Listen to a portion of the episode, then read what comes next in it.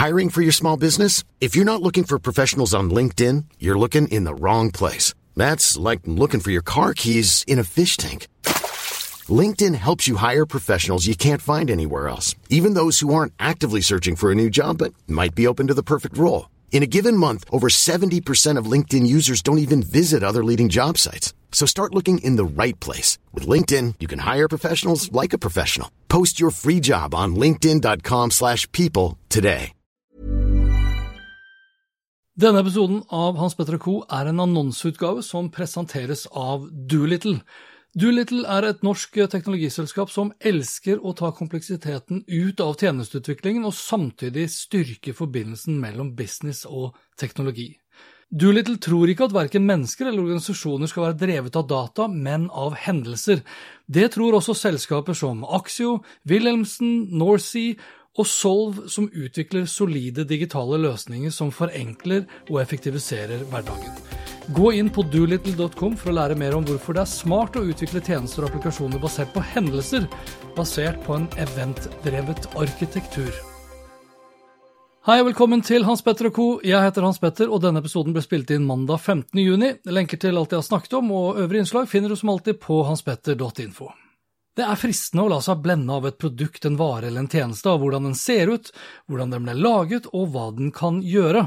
Samtidig så er det veldig viktig å huske på at målet aldri er å kjøpe en vare eller et produkt eller en tjeneste det er ikke noe annet enn et virkemiddel for å oppnå de målene man har satt seg, som privatperson eller som selskap. Men det er også viktig å anerkjenne alle de følelsene som er involvert når man kjøper seg noe, enten til seg selv eller til organisasjonen. Følelser som gjerne går over til selve bruker- og kundeopplevelsen, og derfor snakkes det også veldig mye om UX og CX, altså brukeropplevelse og kundeopplevelse. Det er også gjesten i denne episoden her opptatt av. Are Almås er Chief Information Officer hos Solv. Selskapet ble etablert i 2011, da under navnet Peanuts, men skiftet navn til Solv i 2018. Are har utdannelse fra Universitetet i Oslo. Han var med på å grunde studentportalen i 2012 og har bl.a. jobbet hos Making Waves, Sockless og Differ før han begynte hos Solv i begynnelsen av 2020. Jeg møtte Are på Mesh, hvor Solv holder til her i Oslo, på trygg avstand, og da for å snakke nettopp om utviklingstrender og hvordan man går frem til å lage nye applikasjoner og tjenester som kan skape de gode brukeropplevelsene. God fornøyelse. Are, du har eh, veldig lang fartstid innen tjenesteutvikling og har jobbet med det som kryper og går, som jeg sier, av forskjellige utviklingsverktøy og rammeverk. Hvor kommer vi fra? Hvor er vi på vei når det kommer til å utvikle nye digitale tjenester som skal, etter Solv sin egen lovnad, forenkle og effektivisere hverdagen til kundene deres? Hva tenker du er viktig å tenke på når man skal utvikle nye tjenester i dag? Nei, altså, Det er jo en stund siden man, eh, sånn prosessmessig i hvert fall, så er det en stund siden man snakka om eh, altså waterfall, kravspesifikasjon og alt det her som utgangspunkt for å lage en tjeneste. i hvert fall. Hva legger du i waterfall? Det, det er ikke alle lytterne som vet hva er. Nei, ikke sant. Eh, nei, det er jo en, eh, var iallfall en ganske etablert eh, prosess, der man gjerne definerer en kravspesifikasjon, og du har ulike delmål, delmål underveis. Da. Og, og, det går i en timeline. ikke sant? Først må du løse A, og så må du løse B, og så C, og så ender du opp med et produkt til slutt. Som, som en splash? Ja, ikke sant? Altså I bunnen av waterfallet så er det jo splash. Ja, ja, ja. Så har du splashen, ja. ja. Og, og, det er særlig innen IT, da, eh, som er så uh, usikkert, ikke sant. Når man, uh, når man, prøver å lage et produkt for en bruker, mm. så er det, ikke, det er ikke alt man har tenkt på. Det må man egentlig bare godta med en gang. så det å lage en kravspesifikasjon, utføre den og ende opp med et produkt, er særdeles vanskelig, egentlig. Altså, særlig når du begynner å ha timelines som er, strekker seg over flere måneder. Ja. og særlig i, i IT-verden så endres jo ting uh, ja, nesten hver uke. ikke sant? Eh, nye rammeverk uh, innen språk og nye metodologier. og alt. Ja, hvordan forholder man seg til det? Altså hvis, hvis, ting hele tiden er i endring, og så skal du prøve å ha en viss form for statisk prosjekt å forholde deg til? Nei, altså um, Vi har erfart med tidligere prosjekter også at det er greit å velge litt sånn uh, Være nyskapende, for all del, i metodologi og at man velger. Uh, men ta det som er i hvert fall prøvd ut. da. Du kan selvfølgelig være forsøkskanin. Uh, men velger man noe som begynner å bli etablert, og snakker vi waterfall, da, altså den prosessen der, det er jo en veldig gammel modell. men så snakker vi liksom ti år tilbake, så hadde det jo kommet mye andre metodologier som man kan følge. Men fortsatt så går man i vante spor og velger den waterfallen. Det føles fortsatt utrygt å hoppe ut i en annen metodologi. ikke sant? Så der må man liksom undersøke hva som er tilgjengelig. da. Starte der, finne noe som er ja, prøvd ut, i hvert fall. Og og kjør på med det. Men altså, i, Nå spør jeg helt åpent her. altså I, i, mm. denne, i denne, prosjektfasen og waterfall-metodikken, involverer det egentlig alt fra hvis vi, hvis vi skal si OSI-modellen, da, ja. involverer det egentlig alt fra bunnen av, rent sånn teknisk, og helt opp til hvordan brukeren skal liksom se det rent sånn e, estetisk osv.? Ja, altså, det er jo gjerne det som mangler i en sånn modell også. Eh, okay. Du får mindre kontakt med sluttbrukeren underveis. da, sant? Fordi veldig mye beslutninger blir tatt up front. Men man drar jo inn stakeholders og, og sluttkunde og, og, alt. Det blir jo en del av prosessen. Det som gjør det vanskeligere, at du du har ikke en sånn ny, uh, ny touch, da, en ny iterasjon, der du igjen kan liksom stoppe opp og si OK, lager vi faktisk riktig produkt nå? Uh, har vi noe som vi kan uh, teste, ikke sant, få feedback? Akkurat den, altså De små stoppene underveis får du ikke nødvendigvis gjort. Det var svaret. ja, mu ja, muligens. Vi skal fortsette litt i det sporet der. Altså, det, vi er, det vi er på mange måter opptatt av i dag, det er jo liksom det å få merverdi ut av for så vidt da selvfølgelig produkt en vare og tjeneste. Mm. Den merverdien hentes forhåpentligvis ut av de datasignalene eh, vi kan plukke opp. Mm. Altså Vi sier jo ofte liksom dataen er den nye oljen osv., og, så videre, og vi skal være ja. datadrevet. En av samarbeidspartnerne deres er Doolittle. Ja, stemmer. Og De utvikler et rammeverk. Mm. De eh, vil vel kanskje si at de er mer opptatt av eh, noe annet enn det at vi skal være datadrevet, men hendelsesdrevet. Ja, Mm. Uh, hendelsesdrevet arkitektur. Ja. På engelsk EDA, altså event driven. Hva, hva, er greia der? Nei, altså, du kan se for deg et tradisjonelt, uh, tradisjonelt system, da. Tradisjonelt system, uh, la oss si en nettbutikk, f.eks. Vilkårlig eksempel. Har en, um, altså har en client-side og et API, og det API-et integrerer med andre tjenester osv. Og eh, API er Application Protocol Interface? Er det? Nei, ja, det... Application Programming Interface. Ja, Det kan godt hende. Jeg ja. opererer bare med Bare forkortelsene. det handler i hvert fall om hvordan to forskjellige systemer kan kommunisere med hverandre. Ja, stemmer det. Ja. Eh, så der har du gjerne en sånn altså I nettleseren, når du laster inn sida, så laster du inn altså HTML og klienten, ikke sant? og den klienten her er nødt til å prate med en tjeneste for å hente data også for å registrere nye data. Da. Så da prater man gjerne med et API for å kunne utføre de handlingene der. Og de API-ene eh, de prater med og eh, kommuniserer med databaser. Databaser er jo steder der data ender opp, eh, lagring av data. Og en tradisjonell database har jo på en måte en Uten å gå altfor teknisk vekk, så er det en, en tilstand, ikke sant. Det, du har en, en database som har masse rader og kolonner, typisk database. Og den sier noe om uh, staten til løsningen din. Altså Her er all data lagra. Hvis du vil få et innblikk i hvordan si, staten til din løsning er, så ser du i databasen. Det er en mengde data. Det som er med eventsourcing, at du har ikke det samme uh, si, bildet, da, den samme staten. Du lagrer ikke data på samme måte. Alt som blir lagra, er i form av events, som gjerne er domenespesifikke. da. Hva, le hva, legger vi da? Altså, Hendelser er jo så mangt. Hva, uh... Ja, i en nettbutikk, da. Eh, hvis jeg skal eh, kjøpe et produkt, så vil jeg gjerne sende en forespørsel til altså klienten da, sende en forespørsel til baksystemene, altså API-et, om at eh, det skal registreres et kjøp for eksempel, av det produktet. Det API gjør da, er å lagre det i databasen. Ja, OK, Are har sant, kjøpt det og det produktet. Det er lagra i en, en, database. Det som er i eventdrevne systemet, at det der blir gjort om til et event. da, altså Du sender en forespørsel. Jeg vil gjerne kjøpe det produktet her. Det blir gjort om til et event som er produktkjøpt, og det blir da lagra i en, noe som heter en event store. Den event-storen er ikke en typisk database med masse data eh, formatert i kolonner og rader og sånn. Det er rett og slett en liste med ting som har skjedd, altså en liste med hendelser da, som har skjedd i den, men det. Men, det, men det, ligger, det, ligger, data bak uansett. Det er jo ikke sant? Så det er da, dataene som da trigger et mm. event, som da sier ifra til neste fase av f.eks. av en kjøpsprosess. da. Ja. Er det, ikke, er det ikke sånn å forstå? Så det var, jeg husker jeg leste, for jeg har slitt litt med det her mm. API versus EDA. Og i hvert fall da slite med å fortelle det på en måte som makes sense for the common man, Ja, ja, hvis vi kan si det sånn. Mm. Og så leste jeg en veldig god, eh, et, en god metafor for det, og det, Mm. jeg bruker jo sjøl når jeg er ute og kjører, så enten så bruker jeg jo Jeg har en Tesla, så Mm. bruker jeg jo kanskje da kjørecomputeren, holdt jeg på å si, til, eh, til Teslaen, eller så Ja. bruker jeg min egen telefon og Google Maps, da. Mm. For jeg skal fra én lokasjon til en annen. Og den vil jo da se på ganske mange datasignaler på liksom Ok, du kjører på en tirsdag, det er det og det klokkeslettet. Mm. Alle tidligere liksom signaler vi har fått inn, tilsier at du da burde kjøre sånn og sånn for å komme fra A til B. Så skjer det kanskje en ulykke ganske langt fremme som ikke har noen ting med deg å gjøre. Men det at det skjer en ulykke der, og sannsynligvis da en trafikkork, Mm. vil trigge en event Ja. tilbake til meg og min Google Maps-applikasjon og rirute meg.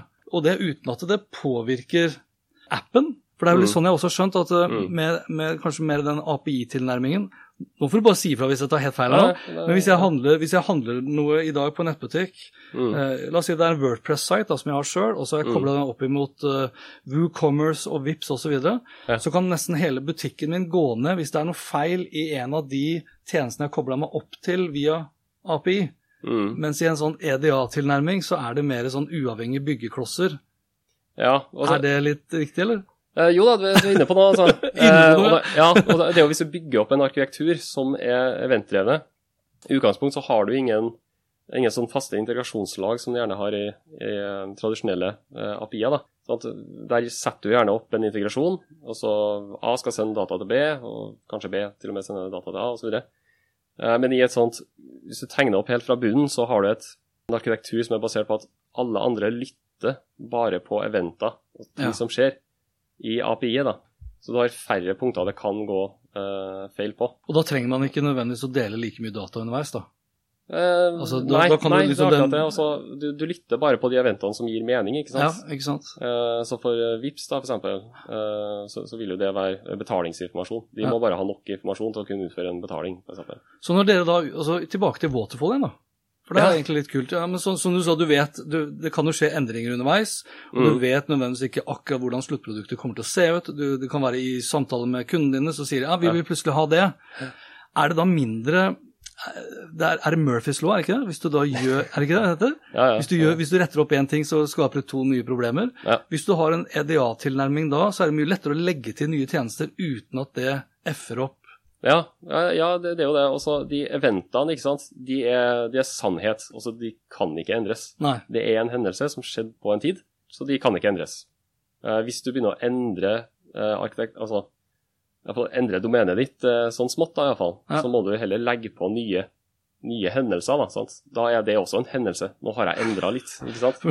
Mye hendelser. Ja, det blir veldig mye hendelser. Så, Ja. så det, det som er litt key der, tror jeg, å også um, altså klare å definere domenene så klart som mulig, i fall da, på forhånd. Eh, og ting kommer til å endre seg, for all del. Men i hvert fall sånn at du har en eh, grei bunn å gå opp ifra. Um, Det er som en også- grunnmur. Det er jo som en grunnmur på et hus. Ja, det blir jo det. Det blir det. Det er litt vanskelig å rette opp i den grunnmuren etter at huset Det er Ja. iallfall dyrt. Ja, ja, ja. Eh, ja, ikke sant. Men, men det er det jo gjerne med andre systemer også. Du kommer ikke unna det. Og så migreringa og alt, det støter jo borti uansett.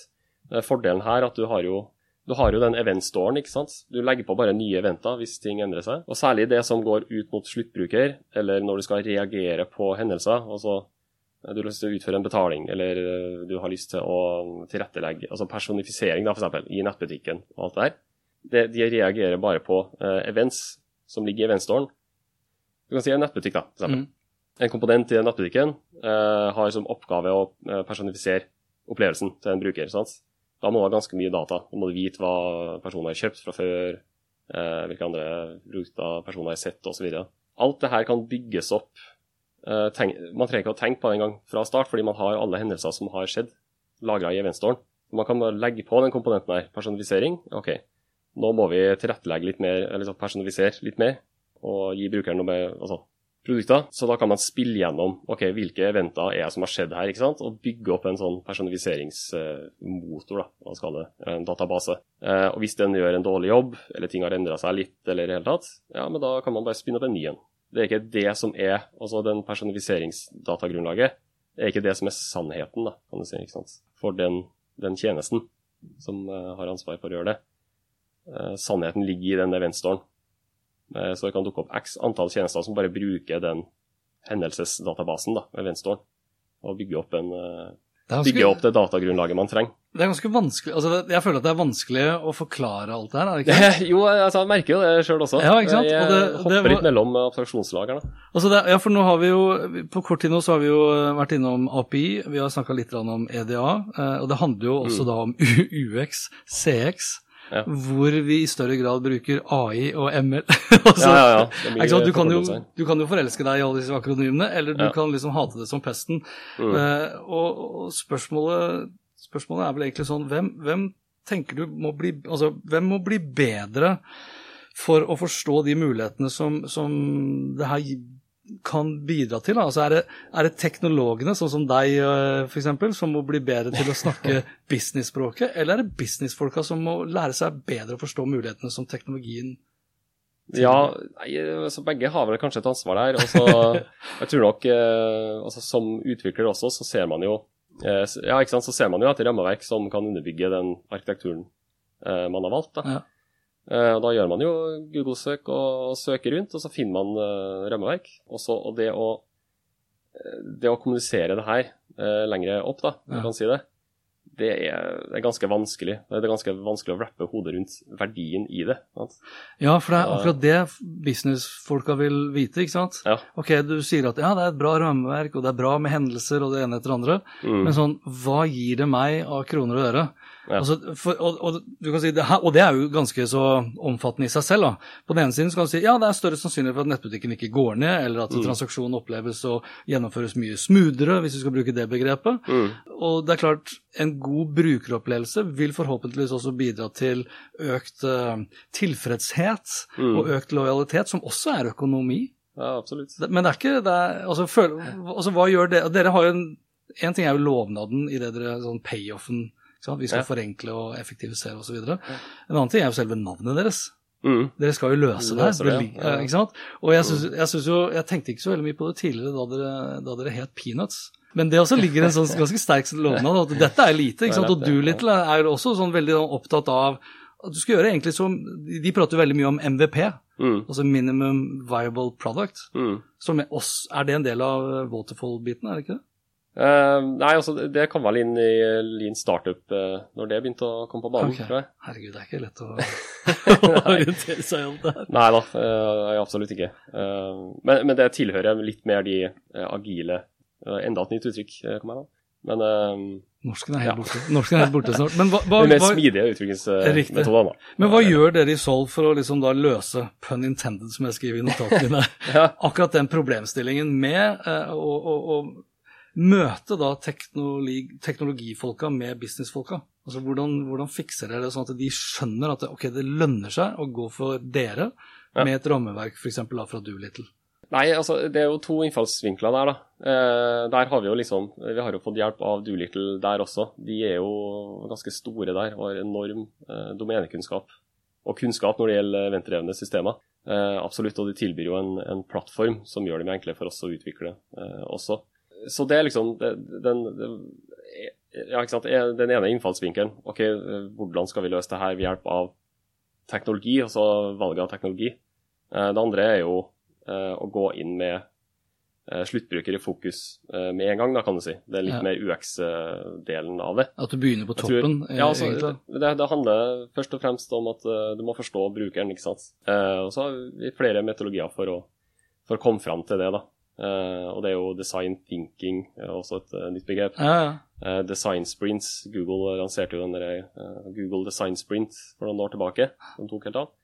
Og det handler egentlig om å forstå brukeren og komme deg gjennom liksom, en uke med arbeid med alle stakeholders eh, involvert og sluttbruker. Prøve å skape noe på en uke eh, som er godt nok til å kunne testes. Da. Og I løpet av den uka så må man forstå ok, hva er problemet, hvem har problemet, hvordan kan vi løse det, generere masse ideer. skåpe det ned til en prototype Eller flere, da. På én uke? testes. Ja, det er en, en ukes eh, sprint. Det. Har det, har det endra seg veldig hvordan dere, jobber, eller hvordan dere jobbet før øh, og etter covid-19? da? Sånn, hvilke verktøy dere bruker for å kunne samhandle? liksom? Ja, det, det som er litt interessant, at uh, heldigvis da, så har uh, digitale verktøy uh, holdt følge, skal jeg si, eh, som, altså, som tilrettelegger for at vi kan fortsette med de eh, sprintene, da, bare Mm. digitalt. Altså, som regel så skjer jo den enukerssprinten, ikke sant. Der starter vi med å uh, kalle inn stakeholders og prøve å finne ut hva de altså, uh, graver. ikke sant? Hva er det egentlig vi skal lage? Hva er egentlig problemet her? Hva er den underliggende frustrasjonen og ting og tang? Uh, og da sitter man inne på et rom, altså møterommet som vi har her, eh, med whiteboards på veggene og Post-It-lapper og tegne og dudle. Ok, Så da er vi helt på. analoge. Det er helt analoge, Ja. absolutt. Mulig det blir vist nå på skjerm, men det er vel det eneste. Ja. Eh, Så helt analog, ja. Og du får en god, eh, får en god flyt der også, hvis du har en, liksom en penn og papir og tegner på. Det Trigger litt kreativitet i deg. da. Så det er klart en utfordring, og hvordan skal du på en måte få gjenskapt den workshop-følelsen da, Mm. av å, å jobbe på et lite rom på den måten her, eh, digitalt. Eh, og der har vi valgt et verktøy som heter Miro, Ja. som er egentlig altså, veldig enkelt forklart. Så er det et uh, online whiteboard. Så du har et, kan tenke deg et eh, uendelig stort whiteboard, eh, der du kan legge inn ulike moduler. Du har Post-It-lapper, eh, du kan kjøre video, lyd, alt. Eh, Men da, ha, da har du en fysisk whiteboard ett sted, og så kan de andre digitalt liksom interagere Ja. med det, eller? Ja, det er en, eh, det er en webapplikasjon eh, så Ja, okay. i nettleseren. Og det finnes for så vidt på US og Android også. Så det er ikke en svær Ja. touchskjerm Nei, nei absolutt ikke. fra er- Samsung eller et eller annet? Nei, nei, veldig, veldig lavterskel, altså, Ja. sånn sett. Så det er en webapplikasjon som lastes inn i nettleseren, og et whiteboard, egentlig. Veldig enkel applikasjon. Så måten vi kjører på, at vi har en fasilitator da, eh, som åpner opp det Miro-boardet, eh, og så kan de som skal bli med på den workshopen, eh, enten følge med på video, altså skjermen blir delt da, av fasilitatoren. De involverte i workshopen kan da enten bli med i det Miro-boardet og sitte og altså, skrive Post-It-lapper sjøl, eller så kan de følge med på det som skjer på skjermen og komme med innspill. Så du får gjenskapt den workshop-opplevelsen ganske bra, altså. Og vi hoppa jo på det eh, med en gang vi skjønte at eh, ok, nå blir det, nå blir det hjemmekontor. Ja. Det er ikke, det er ikke lite, like lett å ha workshops nå. Hva, hva gjør du da når du er ferdig? Altså Med, med Miro-biten så blir det masse Post-It-lapper, og så skal det struktureres til et eller annet som Mm. makes sense på en powerpoint, eller hva vet jeg. Hva, hva er Ja. liksom neste fase da? Nei, da bygger vi. Um, Den prototypen, ja. ja, stemmer. Ja. Så det er litt avhengig av prosjekt, da, selvfølgelig. Uh, vi må teste om ok, er det her en, eh, en god prototype å ta utgangspunkt i. Eh, skal vi gå tilbake og uh, forsøke en ny prototype å teste med? Skal vi teste i parallell? alt det her? Når vi har kommet fram til noe som kan måte, løse de problemene som vi hadde i utgangspunktet, da. det er da vi først kan begynne å, å bygge. Altså, det blir jo veldig sånn hypotesebasert. Vi, vi får jo ikke testa det ordentlig før vi har noe brukere kan ta og føle på. ikke sant? Er det, er det dere som prosjektgruppe som også da tar ansvaret for å få inn en tilstrekkelig god nok brief? Altså jeg føler veldig of- Brief er ofte undervurdert, er min følelse. Ja, Og det er fryktelig vanskelig å lage en god prototype hvis ikke du har Altså det, ligger så mange sånne underinvesterte områder som er avgjørende for at sluttresultatet skal liksom svare til de forventningene som Ja. kanskje da toppsjefene og ledelsen har. da. ja hva tenker du mer da? Nei, altså hvis, hvis dere skal sitte i en prosjektgruppe, Mm. om det da er eh, folk fra Solv, og så er det noen fra Doolittle kanskje, og så er det kanskje noen som har involvert seg fra, fra kunden. Hvor mange som involverer seg fra kunden er jo litt avhengig av selvfølgelig omfang, men ikke Ja. minst kunnskap og hvor mange ansatte det er osv. Mm. Men fort så kan det bli en del mennesker da, Ja. hvor klokka tikker. Og så skal ja. du utvikle et eller annet som da kanskje man ikke har egentlig en god nok brief på, altså det underlaget til å kunne lage, okay, ikke sant? Skjønner du hva jeg mener? Mm. At det, det er litt sånn Nå er det lenge siden jeg holdt på med produktutvikling, Mm. men jeg holdt på med en del år med PR og kommunikasjon. Og for å lage ordentlig god kommunikasjon, så må du ha Ja. god innsikt og analyse for Ja. å forstå problemstillingen. Ja. For du sa det her i stad, dere diskuterer problemer, og, og det er jo sånn jeg alltid leter etter i en sak også. så er det sånn, Dette er problemet, dette er konsekvensen hvis ikke vi gjør noe med problemet. Mm. Dette her er liksom da eh, resultatet hvis vi løser det. Ja. Og da må du ha mye innsikt først. Ja, ja, ja, absolutt. Eh, Men det er sånn nok innsikt til å kunne ha noe uh, å bygge og teste med. Ja. Altså, det viktige her er at man må komme seg til et punkt der man har eh, noe altså, fysisk eller på skjerm da, som brukere faktisk kan trykke og leke, leke med.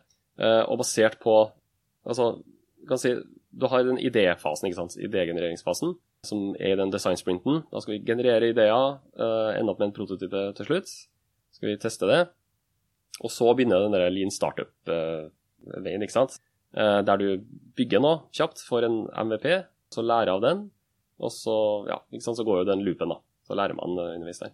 Ja. ja nei, jeg bare tenker på, Du sa en uke i stad på å komme opp med en prototyp. Hvor lang tid er liksom snittet før du, før du har et sluttferdig produkt? da? Ja, sant. Eller tjeneste? nei, det er det er helt avhengig av type prosjekt. Det blir det. Men eh, hvis vi klarer å skal si, Så, så den ene, ene, kunden vi har nå, f.eks., der har vi jo bare masse eh, kan si, MVP-er. Så vi starter med design sprint, kjører vi MVP, uh, og så lar vi den MVP-en ligge og godgjøre seg litt da, i produksjon. Eh, og så begynner vi på neste MVP. Og så må vi tilbake igjen og besøke den første MVP-en. Og faktisk, OK, ble det her så godt som vi hadde håpa på? da? Mm. Løst det her problemene?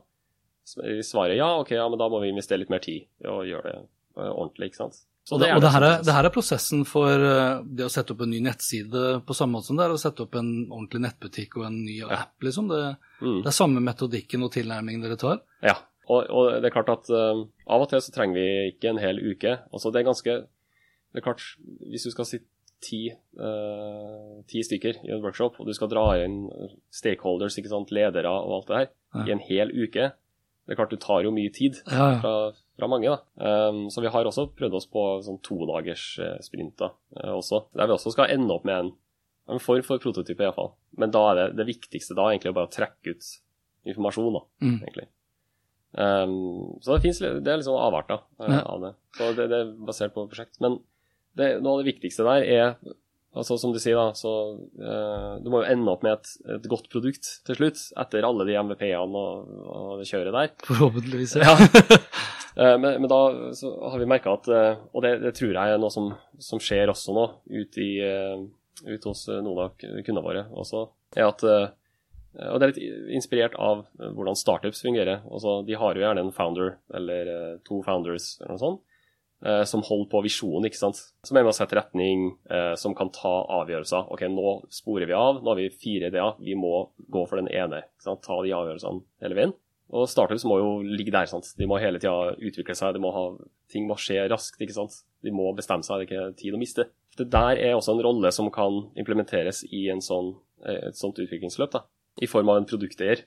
Det er mulig det var et begrep eh, jeg har hørt før. Produkteier, ja. Jeg tror det, ja, mm. ble introdusert i eh, når Skrøm kom på banen, lurer jeg på. Ja. Uh, det skal ikke jeg si sikkert, men jeg har også Nei. selvfølgelig kjennskap til Scrum. Ja. Men det har vi merka er utrolig viktig, da. og særlig at, at, kunden ender opp med den rollen. Altså at kunden har på en måte den visjonære og den som eier produktet. Fra, det liksom, fra MVP-nivå og helt til til slutten, rett og slett. Men altså, Det var bra du sa, for det, jeg hadde et punkt her nå med Hvis du har fått med deg den siste Telia-reklamen, så mm. snakker Telia med han Terje Johnsen, som skal være sånn hverdagsforenkler. Så har de et slagord om at vi skal gi folket det de vil ha. Og, og så tenker jeg Vet alltid folket hva de vil ha? Ja. Ikke sant? For det, det har vi jo sånn Mest nærliggende er kanskje iPhone, da.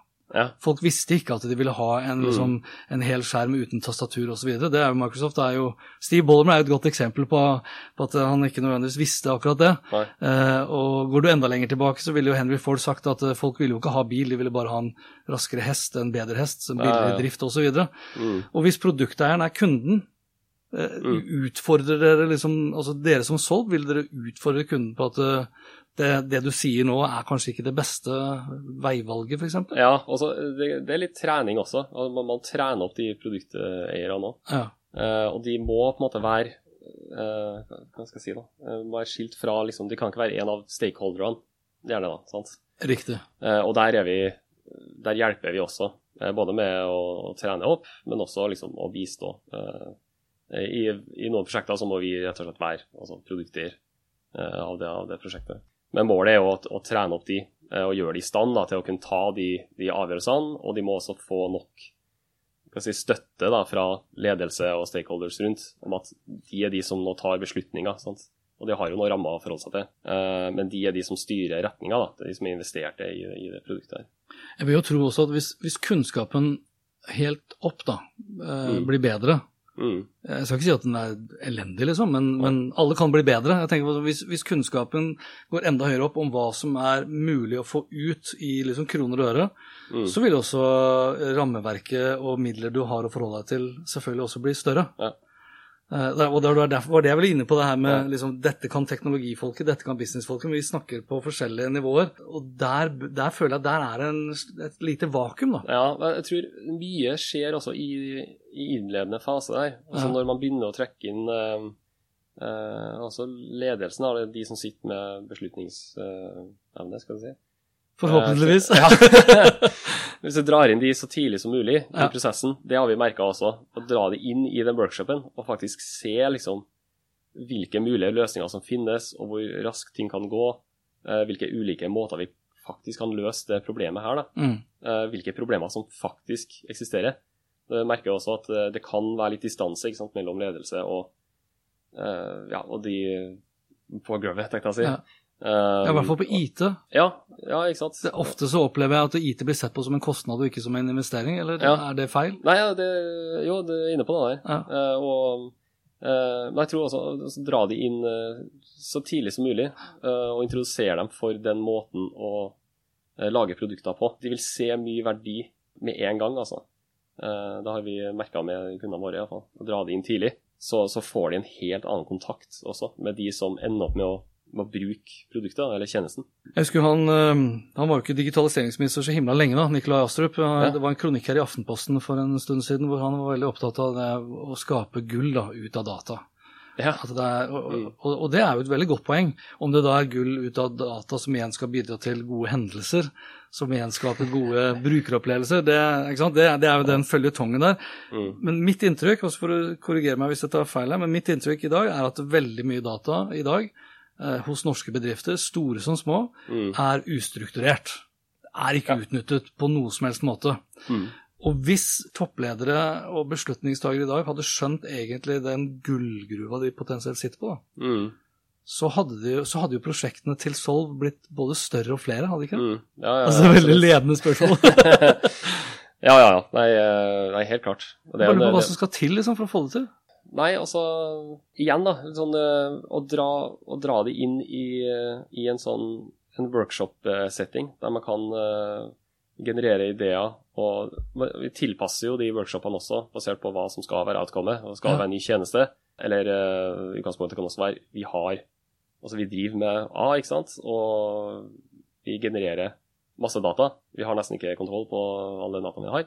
Hvordan kan vi bruke det her? Uh, hvordan kan vi kartlegge all den dataen og alt sånt.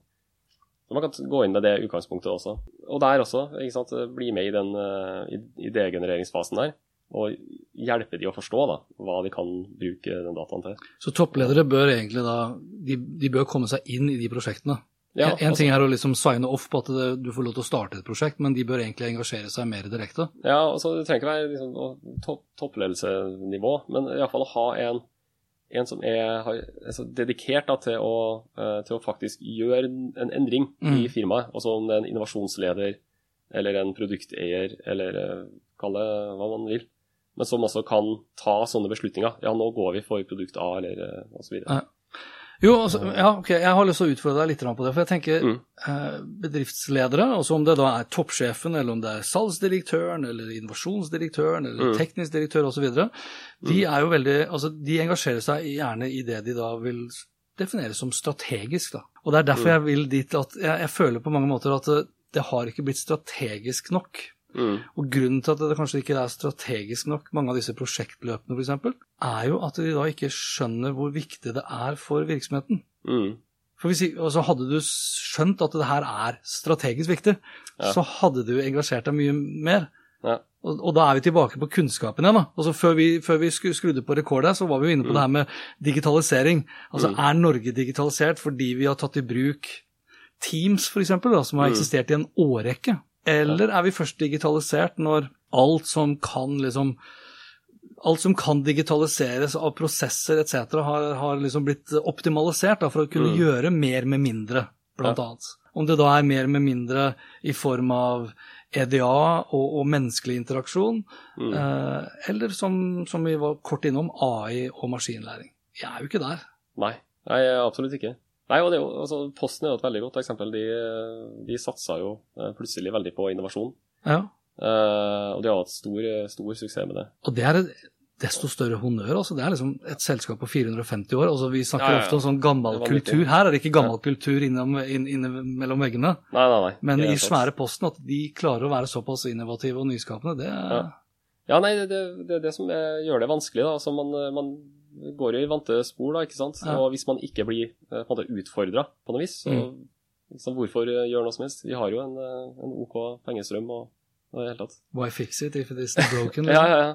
Hvis, hvis toppledere i dag ikke nødvendigvis har den kompetansen som skal til, som de burde ha for å faktisk da bli enda mer lønnsomme, Mm. sånn enda mer produktive, enda mer effektive, skaffe seg nye kunder i nye markeder osv.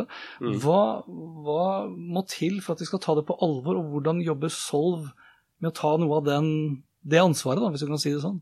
Nei, eh, vi står jo der og måte muliggjør de, de potensielle løsningene, da, selvfølgelig. Og det der blir jo en jeg tror Det blir fort mye enklere når man først er inne i eh, bedriften. Og så det avhengig av det produktet man jobber på. Eh, Men da det, det er enklere å på en måte upselle den si, visjonen, eller den måten å altså, Nå har vi lagd et prosjekt ikke sant, som igjen genererer veldig mye data. Kan vi hente ut noe merverdi her, liksom? Eh, Det å presentere det også for kunden som en mulig, mulig løsning videre, eh, det er utrolig viktig. Og der er vi også ganske store på. Tror du verden kommer til å bli drevet av data fremover, eller av hendelser? Nei, altså Nei, det, det er jo det eh, kan si EDA gir, da. ikke sant? Gjør alt datadrevet, nei, eventdrevet. Eh, gjør også at det er man, man kan lage løsninger som man kanskje ikke kunne ha gjort ved å bare være datadrevet, eller uh, lage en arkitektur som er helt tradisjonell. Så jeg, jeg tror det, det gjenstår litt altså, for å få hele, si, alle, hele næringslivet over på eventdreven arkitektur. Ja. Uh, Det gjør det akkurat nå, så er det, det er komplekst. og det, det er mange som ikke forstår verdien av det, og det er vanskelig å kommunisere også, ikke sant. Altså Formålet igjen er jo selvfølgelig å drive verdi ut av alle dataene vi har. Mm. Siste spørsmål da. Kan vi, kan vi komme oss dit uten å gå til skyen? Nei, altså den må jo være kobla på skyen på Ja. en eller annen måte. Eh, for Du skal ha rimelig svære serverparker hvis du skal ta alle dataene in-house. Ja, ja, ja. ja. Og. AI-en og alt som skal liksom, eh, hva heter det, tolke Mm. og analysere Ja, alt det som skjer. Nei, altså det må være altså, kobla sammen med cloud på en eller annen måte. Det skjer jo mye innen si, sånn edge computing og sånn også. At Ja. man flytter regnekraften ut til der, det faktisk, der man faktisk henter data. Eh, og ikke at alt gjøres i en stor sky, da. Det si. Da må jeg følge opp med et spørsmål til. Ja. Fordi altså, e- Edge computing er jo interessant som et slags motstykke til, til egentlig da skytjenestene. Mm. For du har liksom på den ene siden så har du kanskje Google som eh, Hvis vi skal forholde oss f.eks. til noe som alle vet hva er, altså en, en laptop, et nettbrett, Mm. så er jo Google sin vei tydelig staket ut med eh, cloud. Ja. At browseren er egentlig liksom Det er grensesnittet ditt til internett og alt som skjer. Mm. Og så har du da edge computing, som blir på mange måter det motsatte, for da skal du prosessere, som du sier, på kanskje da telefonen Mm. eller endepunktet. Mm. Med 5G og stadig raskere internett, mindre latency, billigere Mm. skytjenester i Microsoft Asher osv. Mm. Hvem vinner? Edge eller, eh, eller cloud, liksom? Nei, det, det, jeg tror de må spille godt eh, sammen, altså, rett og slett. Eh, og de er jo interconnected òg, på, på mange måter. Så det, blir ikke, det, er ikke, det, er ikke, det er ikke enten eller der heller. Nei, det, det vil det ikke være. Nei. Så det er klart, med 5G og sånn, det muliggjør jo løsninger som, eh, som vi ikke har rukket å tenke på i det hele tatt. Eh, jeg tror nok mye kommer til å flyttes ut, eh, ut til der man faktisk skal si altså Særlig for maskinlæring og sånn, da. Hvis du har kamera som skal detektere objekter, f.eks., uh, og identifisere f.eks. planter eller andre ting gjennom et bilde, som, er ganske, ganske avansert maskinlæring. da. Og akkurat så, eh, så kreves det en del eh, regnekraft for å i hele tatt kunne gjøre de oppgavene her. Men hvis du flytter det ut i f.eks. selve kameraet, som, eh, som plukker opp de bildene her, da, som tar video, så er det klart at det blir mye mer effektivt. Men det, det her må jo liksom Det er jo ett system eh, sammen, så enten så må de eh, edgene prate med hverandre, eller så må de innom en, en skytjeneste. da. Vi kommer oss aldri, vi kommer oss ikke utenom skyen. Nei, jeg mistenker at den fortsatt vil være gjeldende framover. Ja. Og dette var det for denne gang. Lenker til alt jeg har snakket om og øvrige innslag det finner du som alltid på hanspetter.info. Likte du det du hørte og vil forsikre deg om at du får med deg de neste episodene, da kan du bl.a. abonnere på Hans Petter og Co. på Apple Podkaster. Ellers er podkasten også tilgjengelig på Spotify, Acast, Google Podcast, Overcast og TuneIn Radio. Inntil neste gang, vær nysgjerrig, for det er den beste måten å møte vår digitale fremtid på.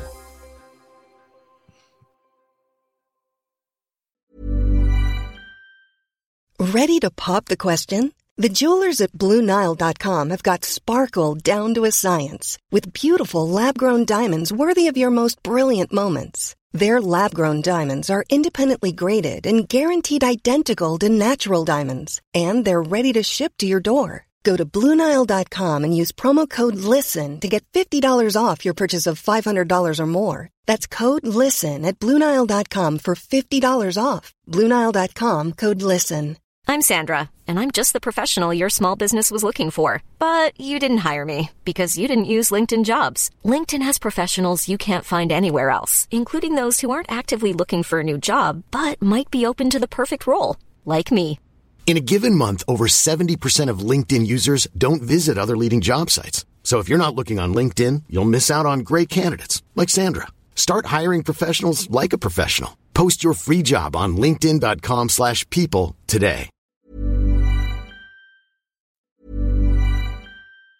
Mom deserves the best, and there's no better place to shop for Mother's Day than Whole Foods Market. They're your destination for unbeatable savings, from premium gifts to show-stopping flowers and irresistible desserts. Start by saving 33% with Prime on all body care and candles. Then get a 15-stem bunch of tulips for just $9.99 each with Prime. Round out Mom's menu with festive rosé, irresistible berry chantilly cake, and more special treats. Come celebrate Mother's Day at Whole Foods Market. Hey, it's Danny Pellegrino from Everything Iconic. Ready to upgrade your style game without blowing your budget? Check out Quince. They've got all the good stuff shirts and polos, activewear, and fine leather goods, all at 50 to 80% less than other high end brands. And the best part? They're all about safe, ethical, and responsible manufacturing. Get that luxury vibe without the luxury price tag. Hit up quince.com slash upgrade for free shipping and 365 day returns on your next order. That's quince.com slash upgrade.